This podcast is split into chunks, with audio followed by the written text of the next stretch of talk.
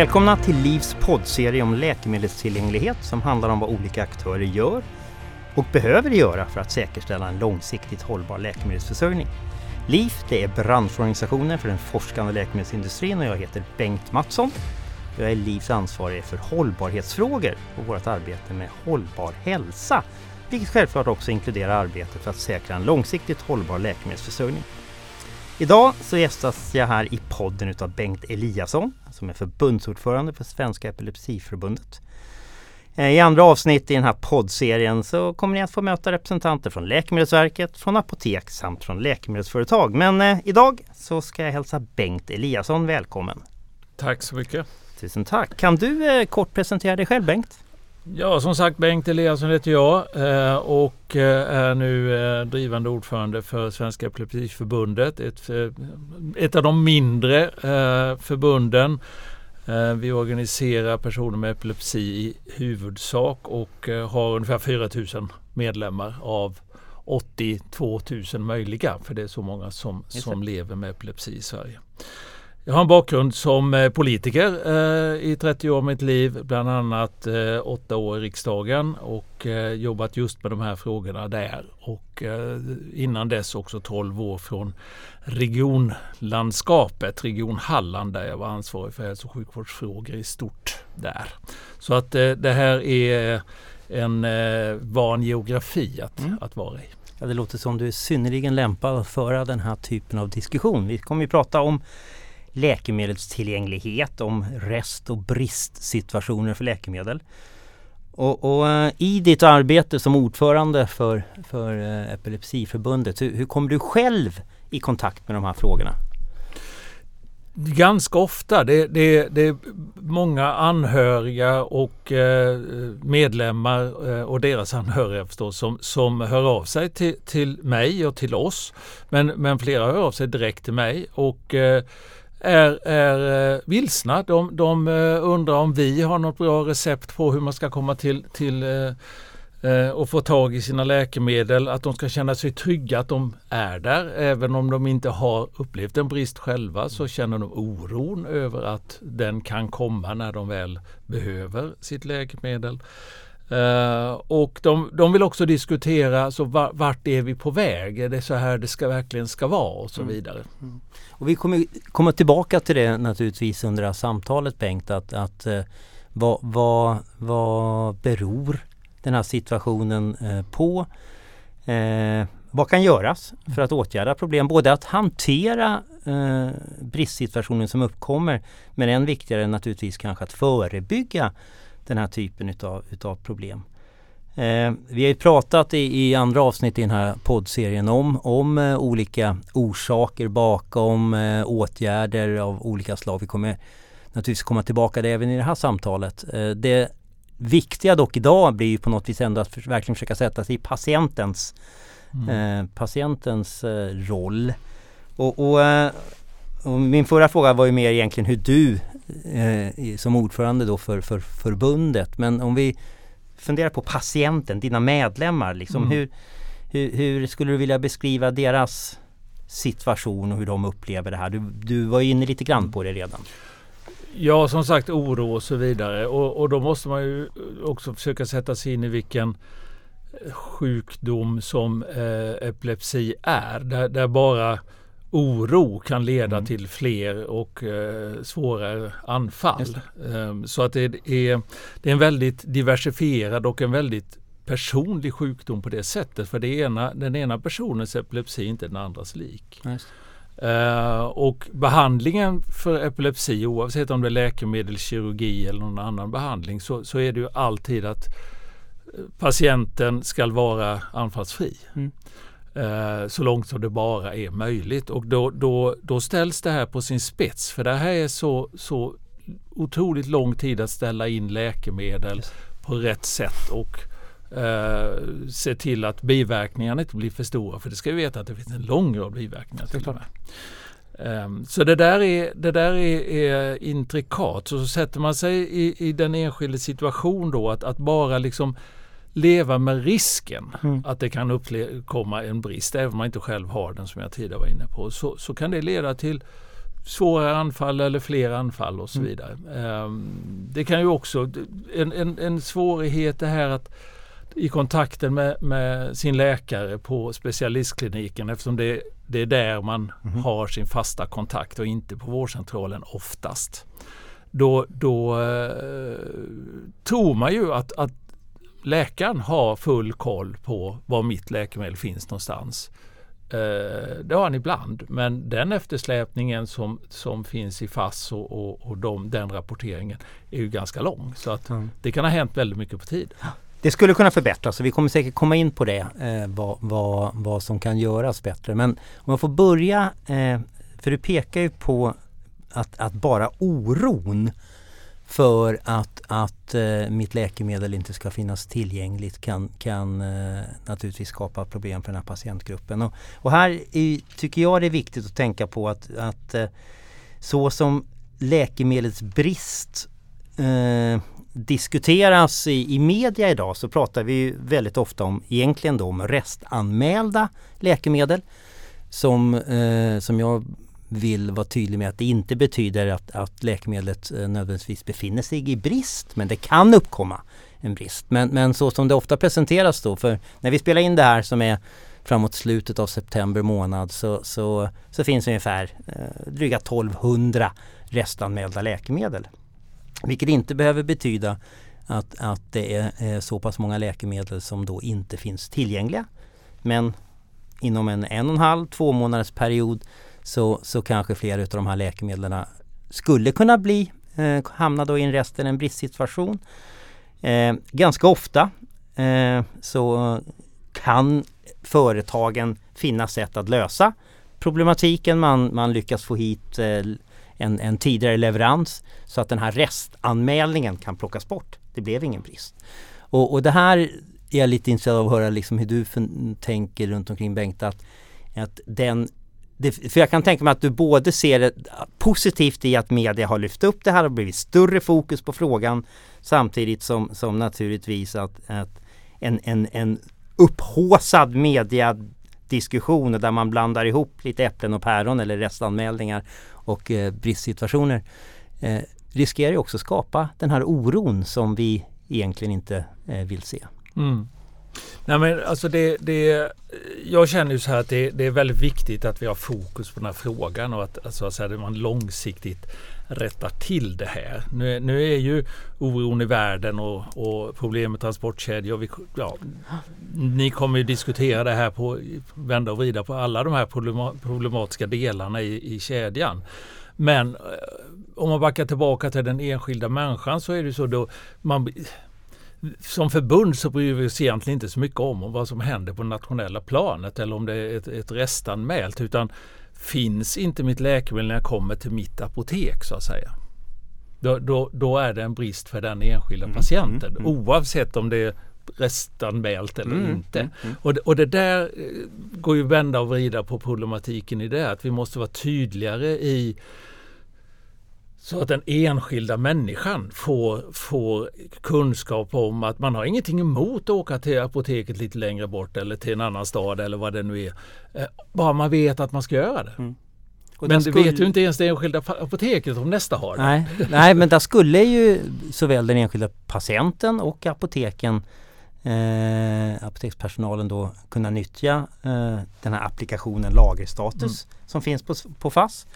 Eh, där, där man åtminstone då som patient i sin närhet vilket Mm. apotek eh, eventuellt då eh, har den här Mm. eh, produkten. Eh, och så där både, både den enskilda patienten men också naturligtvis eh, personal på, på apotek och sånt. Det finns ju verktyg. Sen behöver eh, naturligtvis på något vis verktygen förbättras både för patienten men också liksom för hela systemet. För, för det finns eh, inget, inget fulltäckande system på plats som, som både som visar verkligen vilka läkemedel finns i Sverige, vad finns hos företagen, hos deras distributörer, på apotek eller för den delen då ute i hälso och sjukvård. Och, och eh, där finns det ju då ett, ett uppdrag som Läkemedelsverket jobbar med tillsammans då med eh, E-hälsomyndigheten där man tittar på den så kallade, att bygga då en så kallad nationell lägesbild mm. som då skulle kunna eh, både hjälpa de som jobbar så att säga på någon slags övergripande systemplan men förhoppningsvis också den enskilda patienten att faktiskt se finns det eller finns det inte och sen måste vi också hitta verktyg som, som visar att eller som möjliggör att, att en produkt flyttas från en region till en annan eller från ett apotek till ett annat mm. om, om det är tomt där men det finns för mycket på något annat ställe. Ja men det, det, jag håller med helt och hållet. Problemet är det, det jag har sett så här långt att de flesta av de här applikationerna och så som det ser ut i FASS idag. Det är ganska komplicerat. Även, även jag kan ha svårt att liksom leta mig fram till, till funktionerna mm. och, och uh, förstå riktigt vad de betyder. Mm. Uh, och dessutom ska man ju veta exakt på bokstaven vad ens eget läkemedel heter eller vad, vad den verksamma substansen och så vidare. Och det, och det där är Ja, jag tror mycket på de här systemen men de måste bli väldigt mycket enklare. Mm. För eh, Den enskilda personen med epilepsi har ibland kognitiva nedsättningar, ibland eh, svårigheter, dåligt minne och så vidare. Och så vidare. Och det, där, det där måste man också fånga upp och göra mm. det här enkelt och tillgängligt. För det här är, det här är livsviktiga delar mm. för, för våra medlemmar. Och, och eh, jag får väl och, och Livs eh, vägnar i och med att det är vi som, som eh, äger eh, FASS. Ta med mig det mm. naturligtvis att, att säkerställa som, att de applikationer som i sig är väldigt, väldigt värdefulla också är så, så enkla att, mm. hantera som möjligt vare sig du har full kognitiv förmåga mm. eller inte. Så, så, tack för det Bengt, det tar jag med mig. Eh, jag skulle vilja be, be dig om ytterligare liksom kloka, kloka tips Eh, Eh, jag vet ju att ni på Epilepsiförbundet har, har haft, eller har en någon slags öppen enkät eh, på nätet eh, där era medlemmar, men även anhöriga så vad jag förstår, kan, kan komma in och liksom ge er information så att, att man bättre förstår hela den här problematiken. För det handlar inte bara om att identifiera naturligtvis vilka läkemedel som riskerar att hamna i en risksituation eller som är i brist, var det kan tänkas finnas. Utan, utan det finns ju väldigt, väldigt mycket runt omkring och, och vare sig det handlar om eh, oro skapas och jag får ett anfall därav eller liksom det. Om du kan dela med dig lite grann kring den här enkäten bland annat men även andra, andra funderingar där, där ni som förbund med eh, era medlemmar kan liksom verkligen hjälpa till att, att driva frågan framåt. Mm. Ja, vi, vi, både med enkäten och med, med vårt arbete så vill vi, vi vill vara en bidragande eh, faktor i hela den här diskussionen till, till LIF och till industrin och till, till myndigheter eh, och enskilda apotek och sådär. Så att vårt yttersta mål ska bli bättre. Det, vi vill sannerligen inte bara vara gnällputtar. Mm. Men eh, med det sagt så har vi den här enkäten ute som har levt nu i, i ja det är väl snart ett år. Eh, och eh, den är väldigt värdefull. Den fylls på eh, långsamt eh, allt eftersom och både med så att säga reflektioner och synpunkter men också eh, faktiska fall. Som, som, eh, men en sån här som jag fastnat väldigt mycket för det, det är egentligen två. Dels är det den här rätt grundande oron alltså och, och den här eh, ett antal patienter som har blivit eh, vad ska vi kalla det, utsatta för att eh, byta läkemedel där det mm. sägs att det är exakt samma tablett, eh, det är exakt samma läkemedel, eh, det är bara ett annat tillverkare. Och ändå så, så rasar det iväg med ytterligare biverkningar eller, eller eh, ökade anfall eller annan typ av anfall och sådär. Och det visar ju hur viktigt, alltså epilepsi på det sättet är en bra markör på den här problematiken verkligen. Att det, det, är inte så enkelt. Det kan ta ett halvår upp till ett år att ställa in rätt medicin. Och när man väl har hittat rätt dos, rätt medicin till, till den enskilde så gäller det att hålla fast vid den näst, oftast livslångt. Just det. Eh, och det där gör ju att, att det är det vi ser tror jag i vår enkät också. Både rädslan för att tänk om det inte finns så jag ska få något annat och, och liksom trassla igenom en ny inställelseperiod eh, och ställa sig in på rätt läkemedel och de som har råkat ut för det. Mm. Så det, det, är en sån där de stora rödflaggorna som jag har fastnat för när jag, när jag tittar på svaren. Sen är det ju sådana här praktiska. Alltså, jag ägnade helgen åt att åka runt halva ja. Jönköpings län för att leta på varenda apotek mm. och så vidare. Och så, vidare. så, så eh, och det, för våra lyssnare där eh, så kan det väl vara värt att påtala det då Bengt att, att just epilepsiläkemedel är inte direkt utbytbara. Vi har pratat här i, podden med, med andra deltagare så, så är det ju oftast så att, att utav ett, en, en, en, ett läkemedel som då är, är rest, i en restsituation eller brist på läkemedel så finns det ett direkt utbytbart från en annan producent. Mm. Eh, och, och eh, patientpåverkan eh, tog det då vara var fullständigt försumbar i de flesta fall. Sen kan det finnas visst, visst administrativt arbete möjligtvis runt omkring det. Eh, men för, för eh, epilepsipatienten så är de inte utbytbara och det är väl det du beskriver. Ja. Så. Precis, precis så. Och det, det, det, ökar ju rädslan hos den enskilde ja. och hos närstående anhöriga. Så.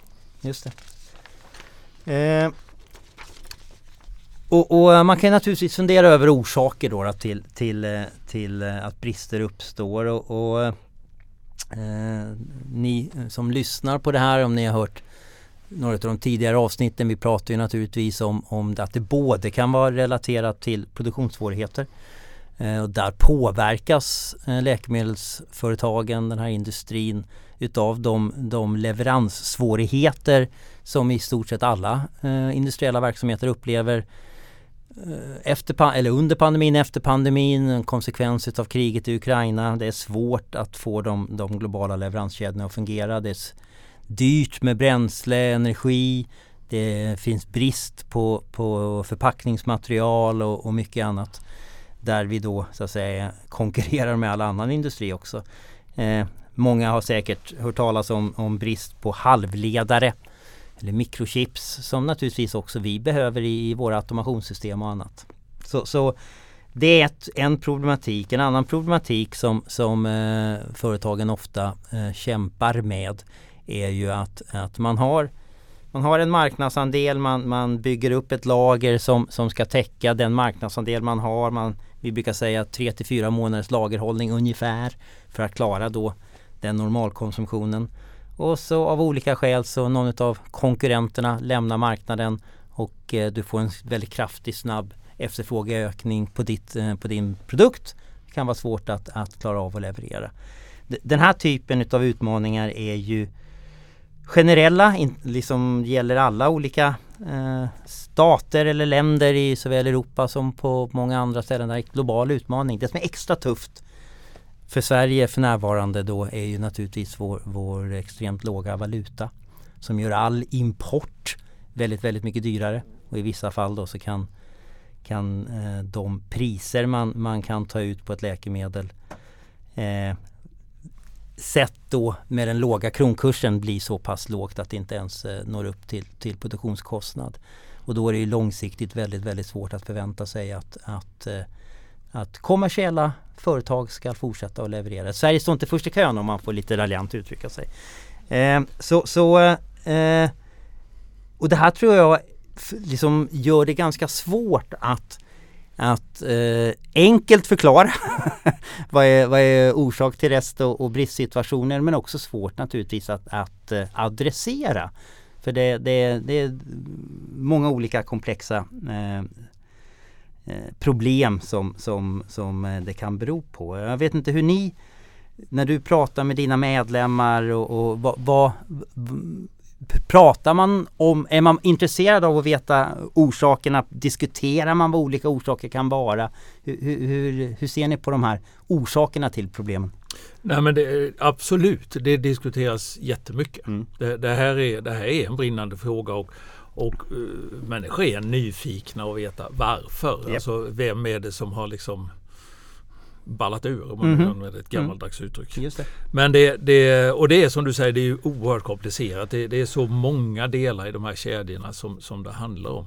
Det vi, det vi eh, funderar över, det vi har diskuterat med, med eh, minister och departement, det vi har diskuterat med, med företrädare för Apoteksförening och andra och med er eh, på LIF, det är ju det här att varje del i kedjan måste ta ett lite större ansvar. Mm. Uh, och det handlar bland annat om större lagerhållning. Allt från att jag tror att Sverige på en lång rad läkemedelsområden, inte bara på, på epilepsiområdet, även om vi driver på det hårdast, behöver en mer nationell lagerhållning uh, av, av kritiska läkemedel för att klara krissituationer. Uh, titta bara vad som hände när Suezkanalen stängdes för att en båt ställde sig på tvären här, här förleden.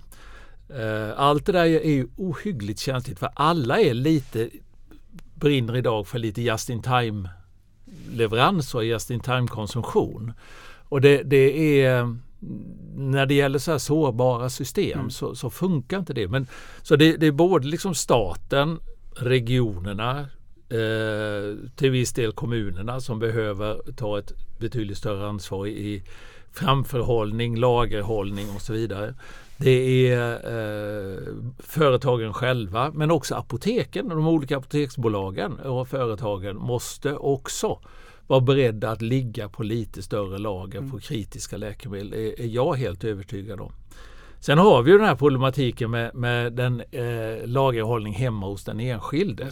Den så kallade egenberedskapen. Precis, låter bra. Eh, inte så enkelt att genomföra alltid. Eh, det finns ju en lång rad läkemedel, inte minst inom vårt härad som eh, inte förskrivs med en i 14 dagars mängder. Därför att eh, av olika skäl vill man inte att det ska ligga ute hos patienten. Ja, och då kan vi förklara det också att, att den rekommendationen som Socialstyrelsen eh, har gått ut med säger ju för en kronisk eh, en kroniker så ska man försöka ha då ungefär en aldrig mindre än en månads mm. lagerhållning hemma. Just det, och i det som precis. du beskriver här nu så om det bara skrivs ut för 14 dagar så, så blir det ju svårt. Så ställer det till det. uh, och sen så är det ju också det här att en person med, med kanske minnesstörningar, uh, kognitiva svårigheter och så vidare, att, att då ligga på ett, ett större lager själv. Ja, det gäller ju att ha närstående anhöriga mm. eller personal runt dig som kan så att säga ja, administrera det där hemmalagret om du förstår vad jag menar. Absolut. Eh, för det kan inte vara så enkelt att sköta det själv Nej. alltid. Och till syvende och sist så kommer den där dagen liksom när skåpet är tomt mm. eh, i värsta fall. Mm. Eh, på grund av någon anledning. Men, men eh, så det här, jag tror att jo den enskilde också behöver ta ett större ansvar men det här måste man också vara varsam om den enskilde hur vi bygger de där systemen. Ja. Uh, och vara var ganska, vad ska vi säga, flexibla och snälla i det mm, systemet. Mm. Och, och äh, lagerhållning och, och vare sig vi då kallar det buffertlager, säkerhetslager, beredskapslager. Whatever. Eh, exakt, jag bryr mig inte. exakt. eh, så så eh, det där är ju en av eh, många, många möjliga lösningar eller dellösningar på problemet som, som LIFT och Läkemedelsindustriföreningen eh, lyfter fram i den handlingsplan om eh, eh, läkemedelstillgänglighet och hur vi kan skapa en långsiktigt hållbar läkemedelsförsörjning. Den handlingsplan som vi då släpper eh, nu under hösten eller i slutet på oktober. Där vi eh, både försöker på något vis eh, beskriva eh, problematiken som vi har pratat om här nu Bengt. Eh, men också naturligtvis eh, olika åtgärder som företagen gör, kan göra än mer utav. De övriga eh, olika aktörerna i den här kedjan, värdekedjan eller vad vi nu väljer att kalla det. Eh, som du också var inne, inne och beskrev i regionerna, apoteken och så till och med den enskilda patienten. Och, och lagerhållning är som sagt var en, en komponent. Eh, som jag sa, eh, normalfallet 3 till 4 månaders eh, lagerhållning har företagen ofta av rent kommersiella skäl. Det är ingen som vill gå i en i bristsituation. Du tappar en affär. Så av rent kommersiella skäl. Men också naturligtvis för att, att eh, ha en, en rimlig buffert för att säkra då tillgång för patient till läkemedel men också då för att minska administrativa pålagor för, för eh, hälso och sjukvård och, och apotek. Eh, det finns jättemånga initiativ på gång kring att öka den här lagerhållningen. Det finns förslag på att, att lagstifta Eh, så att eh, företagen behöver ha än mer lagerhållning. Eh, apoteken likaså. Staten har redan gett regionerna pengar för att de ska bygga också ungefär en månads lager och sen det här med egen beredskap då som Socialstyrelsen har gått ut. Det som vi, det jag, eller från LIVs sida vi ofta brukar vilja lyfta fram är dock att, att eh, det finns en mängd andra åtgärder. Jag ska väl nämna några sådana som jag tycker man kan fundera på. Men det farliga med att bara prata nu ökad lagerhållning är ju att, att det är inte bara Sverige som pratar ökad lagerhållning utan alla andra länder. Och skulle alla länder samtidigt försöka börja bygga stora lager då kommer vi uppleva läkemedelsbrister som är mycket, mycket, mycket värre än vad vi någonsin har upplevt. För, för redan idag så, så, eh, så är efterfrågan på läkemedel kanske lite större än den produktionskapacitet som de facto finns. Så, så eh, att en ökad lagerhållning, ja, fast gör det då på, på, det måste ske på ett väldigt samordnat sätt. Både mellan de svenska regionerna,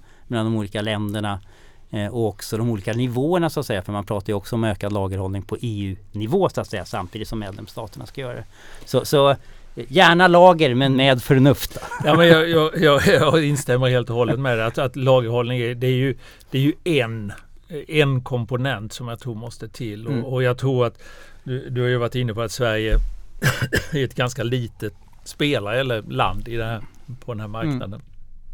Och där är det ju där är det både på EU-nivå det behöver hända väldigt mycket mm. och det, det, behöver hända också på, på större nationella nivåer.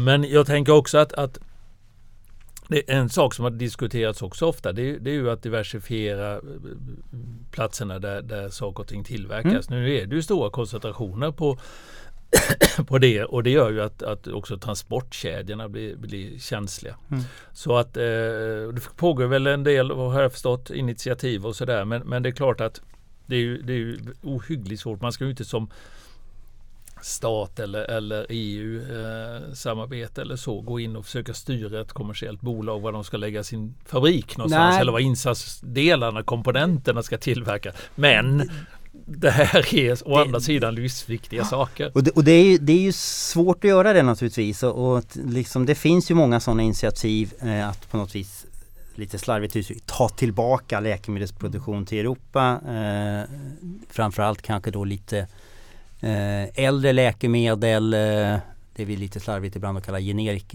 generiska mm. läkemedel. Eh, lågmarginalprodukter eh, idag eh, till, till, en, till en relativt stor del då, eh, tillverkas i, i Sydostasien eller länder med, med kanske lite lägre, lägre lönekostnader och så. Och att ta tillbaka mycket utav dylik produktion eller och, eh, åtminstone starta upp dylik produktion också i Europa. Och då handlar det ju naturligtvis till syvende och sist om att, att, att göra Sverige, Norden, Europa till, till eh, alltså god näringspolitik. Mm. Att göra det intressant att investera här. Och, och, eh, kan man inte, kan man inte med, med ren näringspolitik göra det intressant att, att investera här så måste man naturligtvis, tycker jag då, rimligen fundera på att, att kan man hitta sätt att, att eh, skapa ett, ett incitament för bolagen att ändå komma hit kopplat till att bygga då en, en, bättre beredskap eller en ökad självförsörjningsgrad. Och en sån sak som vi lyfter fram i den här handlingsplanen handlar ju då om den offentliga upphandlingen av läkemedel. Mm. Att inte alltid bara premiera lägsta pris. Att eh, man skulle mycket väl kunna lyfta upp eh, eller ha med parametrar som, som eh, eh hur, hur hur säker le eh, leveransförmåga det företaget har. Eh, och exempelvis som du pekar på, eh, titta på, har bolaget det som vi vi nördar brukar kalla redundans i våran mm. leverantörskedja, det vill säga att backup, att, att klarar man inte av att leverera från den stället i världen så kan man ta eh, produkten från det stället i världen. Det visar ju sig väldigt framgångsrikt under pandemin när olika delar av världen eh, stängde ner vid lite olika tillfällen. Att, att när Kina och Indien var nedstängda. Då var vi väldigt glada när vi kunde leverera från Europa. Men när Europa var nedstängt så var vi väldigt glada att vi hade produktion i andra delar av mm. världen också. Så, det, det, så vi lyfter upp flera sådana eh, olika olika eh, åtgärder. Vi pratar om naturligtvis de här systemen som vi redan var inne på att veta vad finns det för läkemedel? Var finns de någonstans i Sverige? Eh, men vi lyfter också upp att det är jätte, jätteviktigt att hälso och sjukvården blir bättre på att prognostisera sina behov. Det är först när vi ser både tillgångssidan och efterfrågesidan som vi kan avgöra huruvida vi har balans eller inte. Så den brukar vi eh, eh lyfta upp. Eh, det har varit mycket diskussioner under det här året om, om att vissa företag har varit lite senfärdiga i då att göra sin restanmälan.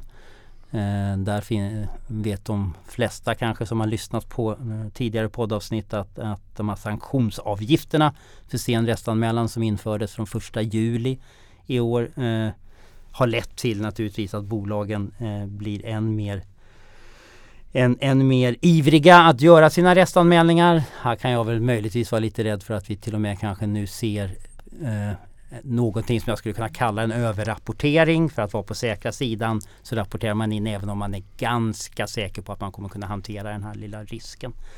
Så, så eh, det finns många olika, olika åtgärder som vi lyfter upp. Eh, där då säkerhet och beredskapslager på något vis egentligen bara är den här extra lilla trygghetsbufferten. För vi tror på den på något slags, liksom de globala leverantörskedjorna har, har, har tjänat det lilla Sverige som är importberoende. Eh, även om vi har stor export av läkemedel från, från Sverige också, ska vi aldrig glömma bort. Men, men säkerhets och beredskapslager är bara, bara en del. Och det, det, så som jag förstår ändå när du pratar Bengt så, så ser ni också att att det inte bara handlar om att bygga lager utan att det även finns andra åtgärder som behöver vidtagas. Det finns en lång rad åtgärder naturligtvis. Mm. Och vad man aldrig får glömma bort när vi så att säga svävar iväg i, i systemtänken. För då, och de är ju naturligtvis jätteviktiga.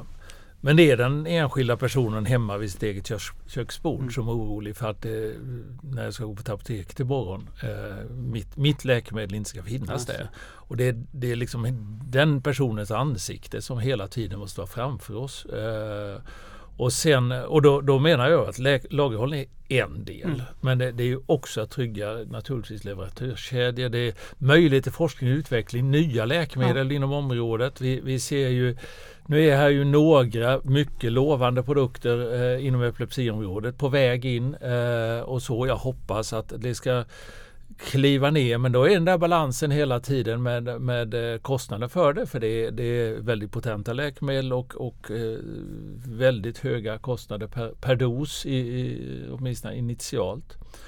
Vilket gör ju att, att ett av de mest förskrivna epilepsiläkemedel vi har, det är ett av de första som utvecklades i början på 1900-talet.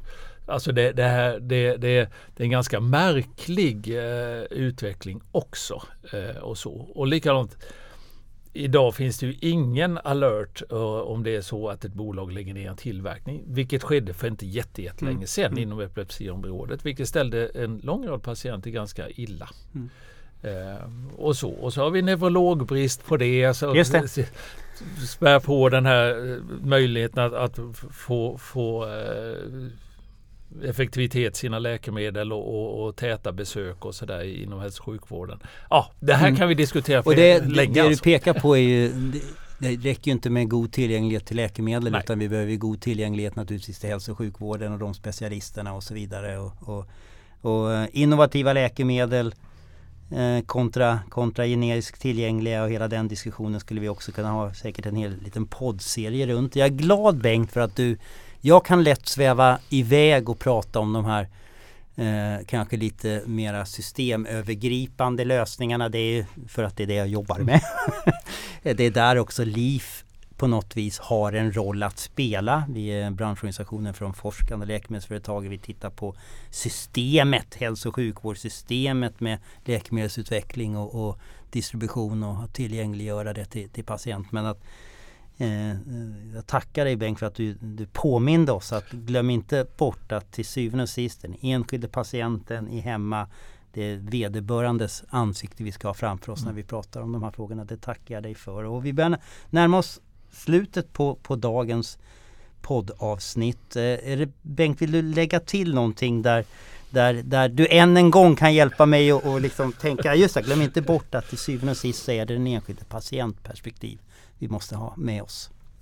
Nej, men det, och det, det, det, är väl lite mer av samma sak egentligen. För att eh, LIF, gör, LIF är en otroligt viktig del i, i uh, hela den här, vad ska jag säga, möjligheten, chansen att, att göra någonting verkligen kraftfullt åt det här. För det måste göras någonting mm. åt det. Det här är det här är liksom inte värdigt en, en, en modern hälso och sjukvård om vi då kliver utanför Sveriges gränser eh, också. Alltså, eh, det, det, är ju som sagt, det är precis som du säger, stora delar av, av världen, och inte minst västvärlden, lider av de här problematiken mm. från tid till annan inom olika områden. Eh, så att, så att jag vill ju också rikta ett tack till er naturligtvis för att ni bland annat genom sådana här initiativ som podden driver på den här frågan. Och samtidigt har vi ju den här risken att man får inte heller putta bolag över kanten så de blir överaktiva och, och anmäla rest, brister och, och, och restnoteringar och sådär. Eh, så det skrämmer slag på, på patienten. Eh, men man ska ju heller inte sopa det under mattan. Mm, mm. Utan liksom adressera det lugnt och sakligt och faktiskt göra någonting åt det. Och det är ganska fort. Det har varit mitt budskap om jag pratar med med, med eh, sjukvårdsministern eller om jag pratar med, med en, en enskild epilepsisjuksköterska ute mm. i, i eh, någon region. Så har det varit Gör något men gör det fort. Mm. Det, det, jag tror att det här behövs för det finns en oro där ute och det finns en bristsituation. Det, det, det är inget snack om den saken. Och då, då, då behöver det inte vara brist på det nationella planet utan det räcker att det inte finns på mitt eller på grannens apotek. Utan då, då, då är det en personlig brist mm. och då måste vi göra någonting åt Kloka ord Bengt. Jag tackar för dem och eh, naturligtvis ett stort tack överhuvudtaget till dig Bengt för din medverkan idag här i Livs poddserie om läkemedelstillgänglighet. Tack så hemskt mycket. Tack. Ära att få vara med.